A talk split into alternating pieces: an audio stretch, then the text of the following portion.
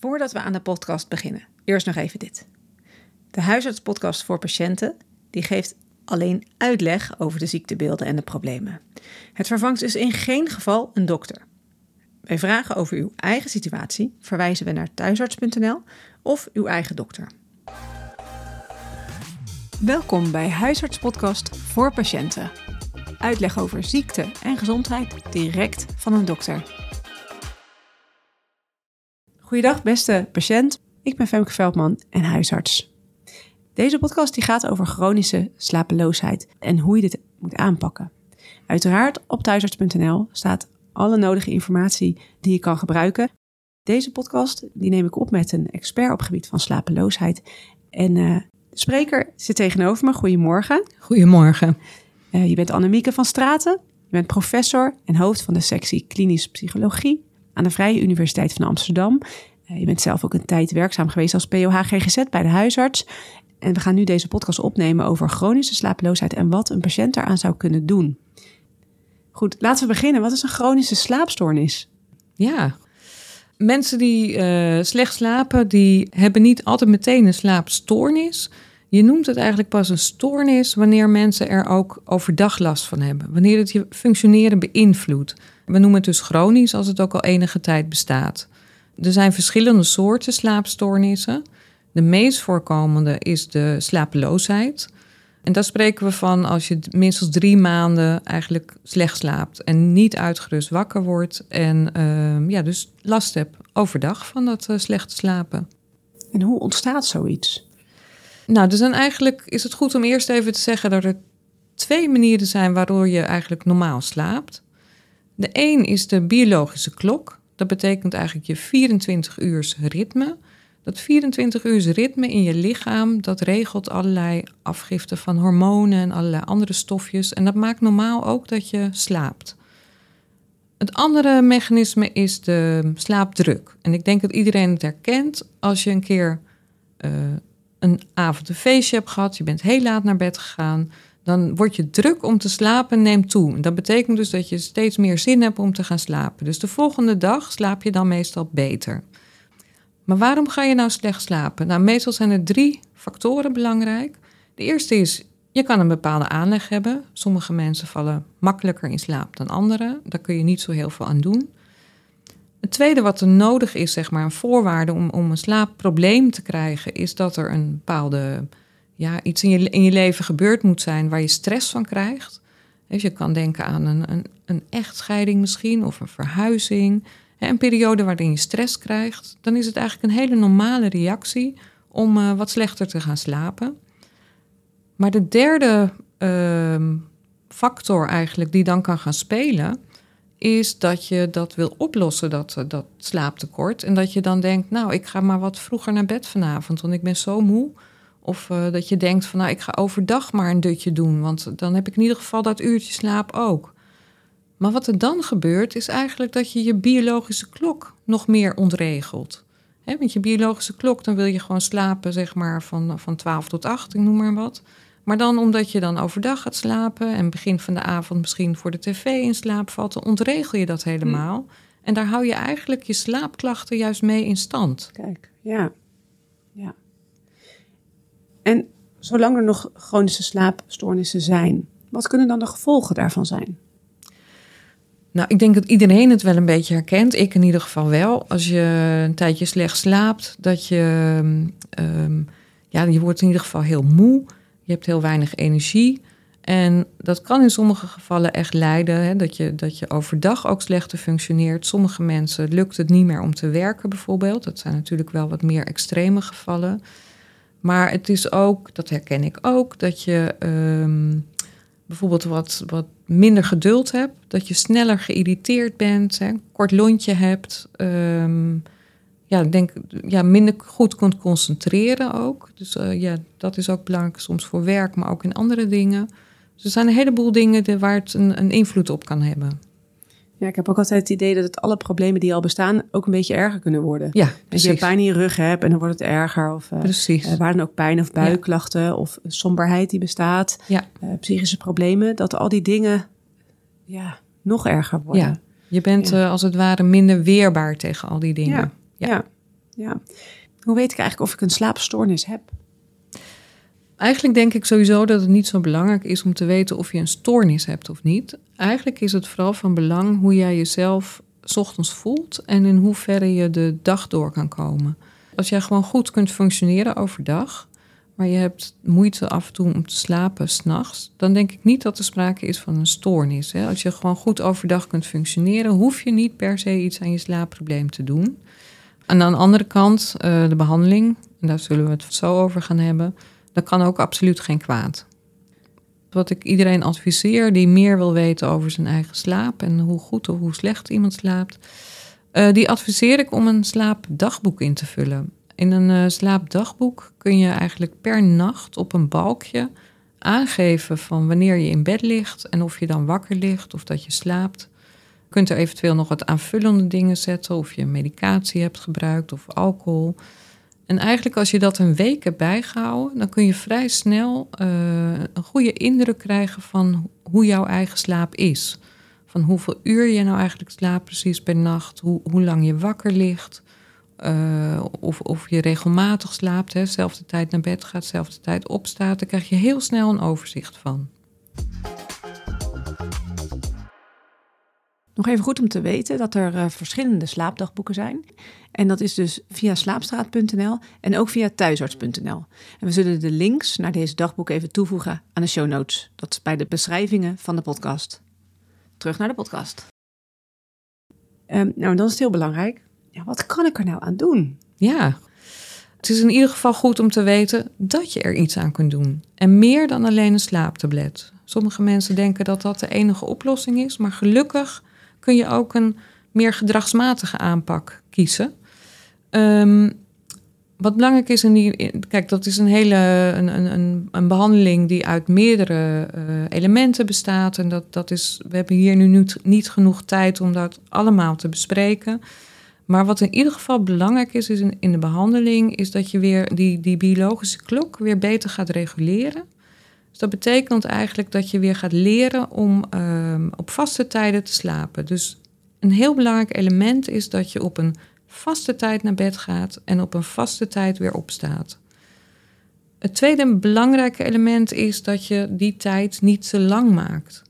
Want ik denk dat iedereen die slecht slaapt weet, hè, ik lig misschien wel acht uur in bed, maar dan lig ik altijd twee uur van te woelen in mijn bed en slaap ik niet. Dus wat beter is, is eigenlijk om dan maar zes uur in bed te gaan liggen. Uh, want die andere twee uur lig je maar te woelen in bed. En dan ga je op een gegeven moment denken van... oh, maar ik wil niet naar bed, want dat is een plek waar ik altijd lig te woelen. Dus de bedoeling is eigenlijk dat je dan wat korter gaat slapen. En dan komt die slaapdruk, wordt dan belangrijk. Wat ik eerst zei, als je minder slaapt... dan ga je op een gegeven moment, heb je steeds meer behoefte aan die slaap.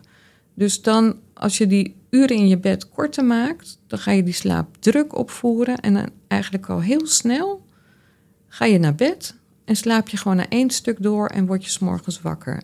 En voel je daardoor eigenlijk, ondanks dat je niet meer uren slaapt, voel je je vaak veel beter als je aan één gesloten slaapt dan als het uh, meer verbrokkeld is of dat je lang in bed ligt te woelen. Hm. Dus dat is een ander heel belangrijk element van de therapie. Het lijkt me wel zwaar. Te doen. Zeker, zeker. Dat is niet. Uh, je moet daarvoor een beetje een, een goede periode uitzoeken dat je dat kan doen. Dat je niet net uh, iets belangrijks hebt op je werk of examen hebt. Uh, en in de eerste nou, week, misschien wel twee weken bij sommige mensen, zal je ook nog wat meer moe worden. Dus het, het, wordt wat zwaarder. Het is dan ook goed om van tevoren, zeg maar, daar een plan voor te maken. Hoe ga ik die weken doorkomen? Wie kan mij bijvoorbeeld helpen hm. als ik wat laat naar bed ga? Wie kan mij helpen om, uh, ja, om langer wakker te blijven? Of wie kan mij helpen? Of hoe kan ik mezelf helpen om uh, wel op tijd op te staan? Je kan je wekker een heel, heel ver weg van je bed zetten, zodat je wel uit bed moet. Nou, dat soort dingen. Dus je moet, het is, en ook overdag, want je bent dan heel moe overdag. En heb je misschien de neiging om alleen maar op de bank te hangen, terwijl het juist goed is om wel naar buiten te gaan. Ook in verband met die biologische klok, om veel in het licht te zijn. Uh, maar ook om wat actief te zijn. Dus maak ook een plan. Je hoeft niet uh, hele actieve dagen hebben, maar wat je dan gaat doen die dagen dat je bezig bent met deze therapie en je slaap eigenlijk beperkt. Zodat je dat vol kan houden. En dan hopelijk, en dat zien we bij het merendeel, echt verreweg het grootste deel van alle patiënten, is dat ze binnen vrij korte tijd echt die kortere periode in bed goed gaan doorslapen en zich dan beter voelen. En dan, als die kortere periode in bed uh, goed benut wordt eigenlijk om te slapen? Ja, dan uh, mogen mensen eigenlijk geleidelijk aan de tijd in bed steeds wat meer uitbreiden. Uh, ja, tot je op een gegeven moment, nou zeg maar 7, 8 uur slaapt en eigenlijk het gevoel hebt dat dat goed is. Ja. En dit is dus ook echt om voor elkaar te krijgen dat het bed geassocieerd wordt met slapen. Ja. En niet met iets anders. Ja, dus het is ook heel belangrijk om de slaapkamer, om daar nog eens even goed naar te kijken. Want het is eigenlijk heel belangrijk dat je het bed leert associëren met slaap en niet met allerlei andere dingen. Dus dat betekent als je in je slaapkamer bijvoorbeeld ook een werkplek is, dat je eigenlijk ja, je bed ook associeert met werken, wat niet echt rustgevend is. Dus als het mogelijk is, is het heel mooi om alleen je slaapkamer te gebruiken, alleen om te slapen. Dus bijvoorbeeld ook niet om televisie te kijken. En zeker niet om in je bed nog op de laatste, uh, als je eenmaal in bed stapt, om dan nog een keer op je beeldscherm te kijken of op je telefoon te kijken. Om het wereldnieuws binnen te krijgen. Ja, ja. daar word je niet uh, rustiger van, laat ik maar zeggen. Nee. En bovendien, maar daar is nog een beetje discussie over dat het blauwe licht ook iets met je, met je doet en je wakker houdt. Maar het, het, is beter om, nou zeker een uur voor het slapen gaan, geen schermen meer en zeker niet in je slaapkamer. Ja. Je zegt al rustiger worden, je wordt daar niet rustiger van. Het is belangrijk om rustiger te worden, hè, om in slaap te kunnen vallen. Ehm, en het is ook nog zelfs belangrijk om overdag, om, om dan ook ontspannen momenten te hebben. Kan je dat wat meer toelichten? Ja, slaap, een, een slaapprobleem. We zeggen vaak een slaapprobleem, denken mensen aan een probleem van de nacht. Maar het is eigenlijk een probleem van de dag en de nacht, van beide. Want als je slecht slaapt, dan voel je dat overdag. Maar ook als je overdag heel gestrest bent of gespannen bent, dan ga je ook moeilijker de nacht in en slaap je slechter. Dus het is belangrijk om niet alleen te leren om s'nachts te ontspannen, maar daarvoor is nodig dat je ook leert dat je overdag je rust hebt en ontspannen bent. Dus dat betekent dat je, nou ja, misschien kun je nog eens naar je daginvulling kijken, maar ook dat het in ieder geval belangrijk is om geregeld een rustmoment in te bouwen. En dat je bijvoorbeeld misschien leert ontspanningsoefeningen te doen. Dus niet de hele dag jagen en dan om uh, elf uur verwachten dat dan de nacht begint en dat je direct kan slapen. Nee. Dat je het gevoel hebt eigenlijk dat je ontzettend moe bent geworden van zo'n drukke dag. Maar moe, je moe voelen betekent nog niet dat je kunt slapen. Je moet echt uh, als je van die eh, spanning in je lichaam hebt uh, en je, je gedachten racen rond, dan uh, houdt dat je uit slaap. Dus je moet dat eigenlijk ook al leren tijdens de dag wat te beperken. En zeker is het ook goed om zeg maar een uur voordat je gaat slapen, proberen, een, ja, wij noemen dat een soort afbouwritueel, dat je gaat leren uh, of dat je ja, iets ontspannends gaat doen, zeg maar. Te proberen je lichaam en je geest meer tot rust te brengen eigenlijk een soort van mentaal de zon laten ondergaan. Ja. ja. en leren ontspannen of ontspannen überhaupt, dat is niet zomaar gedaan. Zeker niet. Ontspannen, of het leren ontspannen, dat is een vaardigheid. En zoals bij eigenlijk elke vaardigheid die je leert, leert fietsen of leert autorijden, dat kost tijd en moeite om dat je aan te leren. En dat geldt ook voor ontspanning. Um, dus dat is iets wat je ja, vrij geregeld moet oefenen. Er zijn goede methoden voor, waarin je bijvoorbeeld leert verschillende spiergroepen in je lichaam eerst aan te spannen en dan te ontspannen. Um, ja, en dat moet je dus geregeld oefenen om dat te kunnen. Wij adviseren eigenlijk altijd om mensen om te beginnen om dat overdag aan te leren. Dus te oefenen met die vaardigheid. En dan kun je, heb je ook meteen een moment, zeg maar, waarin je wat meer rust voor jezelf neemt. En als je dat een klein beetje onder de knie hebt, om dat dan ook s'nachts toe te passen als je niet kunt slapen. Ja. Dus geldt voor je ademhaling uh, rustig te krijgen en je spieren te ontspannen. Ja. Buiten wat er nu al gezegd is, wat je eraan kan doen, zijn er dan nog meer tips over het slapen? Er zijn natuurlijk eh, een heel aantal dingen, zoals bijvoorbeeld ehm, geen alcohol gebruiken. Want sommige mensen denken nog wel eens dat alcohol helpt eh, om beter te slapen. Het is zeker zo dat als je alcohol drinkt, dat je vaak makkelijker in slaap valt. Toch adviseren we niet om dat te doen, omdat het doorgaan zo is dat je ehm, tijdens de nacht veel onrustiger slaapt als je alcohol hebt gedronken. En dat je dan midden in de nacht wakker wordt en niet kan slapen. En ook als je wakker wordt, dat je veel minder het gevoel hebt uitgerust te zijn. Dus om die reden adviseren wij niet om alcohol te drinken om in slaap te vallen. Hm. Bovendien is dat natuurlijk ook geen goede langetermijn oplossing. En wat nog meer? Wat heel belangrijk is, is tijdens de nacht om niet op de klok te kijken. Mensen hebben vaak de neiging om te denken: oh, eh, hoe laat is het nu en hoeveel uur heb ik nog? Ehm, dat vinden mensen prettig, dat je dat tijdsbesef hebt. En toch adviseer ik dat niet. Eh, want vaak is het zo dat je dan denkt: van, oh, nou, ik heb. Eerst denk je nog misschien, nou, ik heb nog zes uur mogelijkheid om te slapen. Oké, maar dan wordt het misschien vijf uur of vier uur. En dan word je eigenlijk alleen maar steeds meer gespannen van. Dus wij adviseren altijd, kijk niet op de klok Ja. tijdens de nacht. Want het helpt je niet om te slapen. En dus er is eigenlijk ook geen enkele goede reden om dat wel te doen. We hebben in het kader van wat ik aan mijn eigen slaapprobleem zou kunnen doen, hebben we het gehad over eh, handige tips, over slaapdruk, eh, over 24-uursritme, ehm, over de slaaprestrictie en ontspanning. Dat is belangrijk, allemaal. Ehm, daarnaast eh, kan je ook wel eens wakker liggen van gedachten die daar allemaal maar blijven malen. Wat kan je daar nou mee doen? Zeker. Ja, je kan eh, gedachten hebben. Er, er kunnen verschillende dingen spelen. Je kunt, vaak zie je dat bij mensen die langere tijd slecht slapen, dat zij vooral ook gaan piekeren over de slaap zelf. En dat zij allerlei gedachten hebben daarover die misschien niet altijd kloppen. Ehm, een voorbeeld daarvan is: ik moet echt acht uur slapen, anders kan ik morgen niet doen wat ik eigenlijk moet doen. Nou, heel vaak ehm, klopt dat niet helemaal. Want soms kun je een hele slechte nacht hebben en kun je toch volgende dag prima functioneren.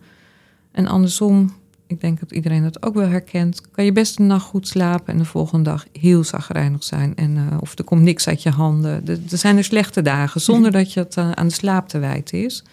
Dus dat is geen één op één relatie. Dus zeg maar binnen de behandeling eh, kunnen, kan er ook aandacht besteed worden aan dat soort gedachten die je hebt. En die je dus eigenlijk meer uit de slaap houden. Want die maken je alleen maar gespannen. Ja. En hoe, wa- wat kan je dan doen? Eh, nou, zoals ik net zeg, dat ligt een beetje aan de gedachten. Maar je kunt die gedachten kun je gaan ehm, onderzoeken. Je gaat eigenlijk onderzoeken, klopt die gedachte wel die ik heb? En nou, wat voorbeeld dat ik net noemde van ik heb acht uur slaap nodig, dat kun je onderzoeken door een slaapdagboek bij te houden. Kijken of je een goede nacht had of niet. En hoe je overdag functioneerde. Dan kun je heel makkelijk zien Ja. eh, of die gedachte klopt of niet. Dus maar niet die gedachtenstroom, eh, eh, maar geruisloos langs laten komen. nee, dat, ja, dat, dat is nog iets anders als je, als je gedachten s'nachts racen of, of eh, blijven gaan. Zijn er een paar dingen. Als je echt piekert over een specifiek iets, ehm, ik noem maar wat, iets over je kind wat niet goed gaat.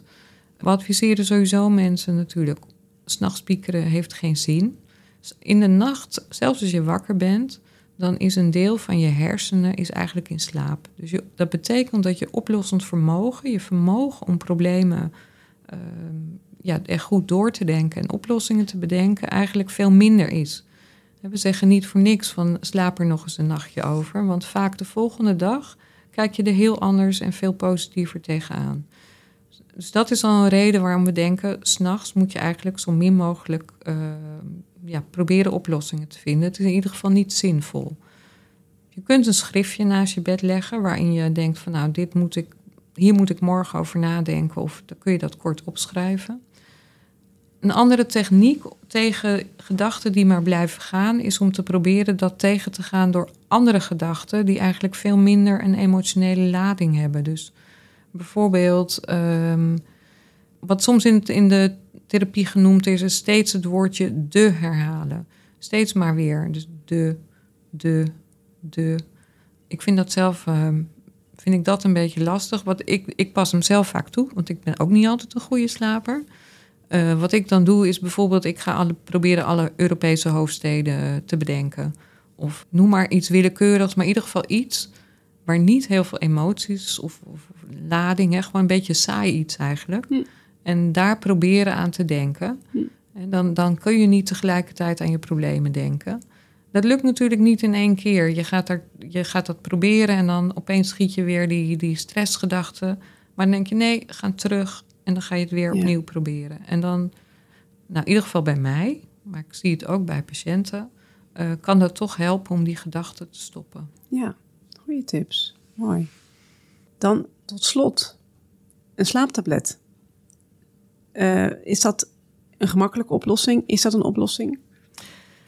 Het kan soms helpen om, eh, als, als je hè, bijvoorbeeld echt een acuut stressor is, ik noem een extreem voorbeeld, je partner is overleden en je kan daardoor niet slapen. Kan het soms helpen om je door iets even heen te helpen. Maar in het algemeen adviseren wij niet om een slaaptablet te nemen. Het maakt je suffer, je kan daar snel aan verslaafd raken. En het helpt je niet, het geeft je geen handvatten om zelf je iets te doen aan je probleem. Dus wij adviseren daarom om eigenlijk geen slaaptablet te nemen. Behalve in een enkele keer als je het echt nodig hebt om even ergens doorheen te komen. Maar om dit niet chronisch te nemen. Ja. Het maakt je suffer, maar het maakt je suffer overdag, hè? Ja, Ja. het is vaak nog niet uitgewerkt in de ochtend. En Ja. dan zeker voor wat oudere mensen het, het risico op bijvoorbeeld vallen of op ongelukken. Of ja, ook gewoon je niet goed kunnen concentreren. Dat is eh, zeker aanwezig. Ja. Ja, en de slaapkwaliteit, die eh, wordt er ook niet per se beter op. Klopt. St- Sterker nog, volgens mij wordt die slechter daarvan. En er is ook gewenning hè, Ja. aan het middel. Dus ik, ik, Dat, ik begrijp je helemaal. Ik sta er ook achter. eh, hè, in, in uitzonderlijke gevallen eh, kan het bijdragend zijn. Maar we moeten er echt mee uitkijken dat dat als oplossing gezien wordt. zeker, nee, Ja. dat is ehm, ehm, eh, wat in ieder geval niet goed is om het elke dag te nemen. Ja. Heb je voordat we gaan afsluiten nog iets om hier aan toe te voegen? Nou ja, wat ik nog heel belangrijk vind om mee te geven aan mensen is dat eh, wat ik vaak hoor van mensen zeggen: Ik heb alles al geprobeerd. Ehm, ze hebben dan soms ook al wel gesprekken gehad met mensen. Maar wat ik weet uit mijn we- wetenschappelijk onderzoek is dat die gesprekken vaak niet de, de, de echte therapie is die ook, waarvan we weten dat die echt werkzaam is. Dus mensen hebben daar soms wel een deel van gedaan, maar heel vaak niet de hele therapie. Dus mensen die echt last hebben van slaapproblemen, die adviseer ik toch om echt hulp te zoeken en zich ervan te verzekeren dat ze een hele cognitieve gedragstherapie krijgen. En hoe, ga je, hoe adviseer je dat eh, te doen? Dat kun je, ja, de enige manier eh, om, om eh, daar te komen is via je huisarts. Je moet eerst eh, het gesprek aangaan hierover met je huisarts. Ja. Nou, Annemiek, ontzettend veel dank dat we deze podcast konden opnemen over chronische slapeloosheid. En wat kan een patiënt eraan doen? Ik wil graag nog verwijzen naar thuisarts.nl. Daar staat heel veel in, nog met tips en tricks. En ook staat daarin over ik ga korter in bed liggen als behandeling om te slapen. Nou, daar hebben we het net over gehad. Uiteraard, als je hulp daarbij nodig hebt, dan verwijzen we je door naar de huisarts. Ik hoop voor jullie patiënten dat eh, dit probleem kan oplossen. En hopelijk wel rusten voor vanavond. Annemieke, ontzettend veel dank. Nou, heel graag gedaan. En ik hoop echt dat de luisteraars iets aan hebben en eh, beter gaan slapen. Ja, tot ziens. Dag. Bedankt voor het luisteren. Heb je vragen of suggesties? Mail naar patiënten.huisartspodcast.nl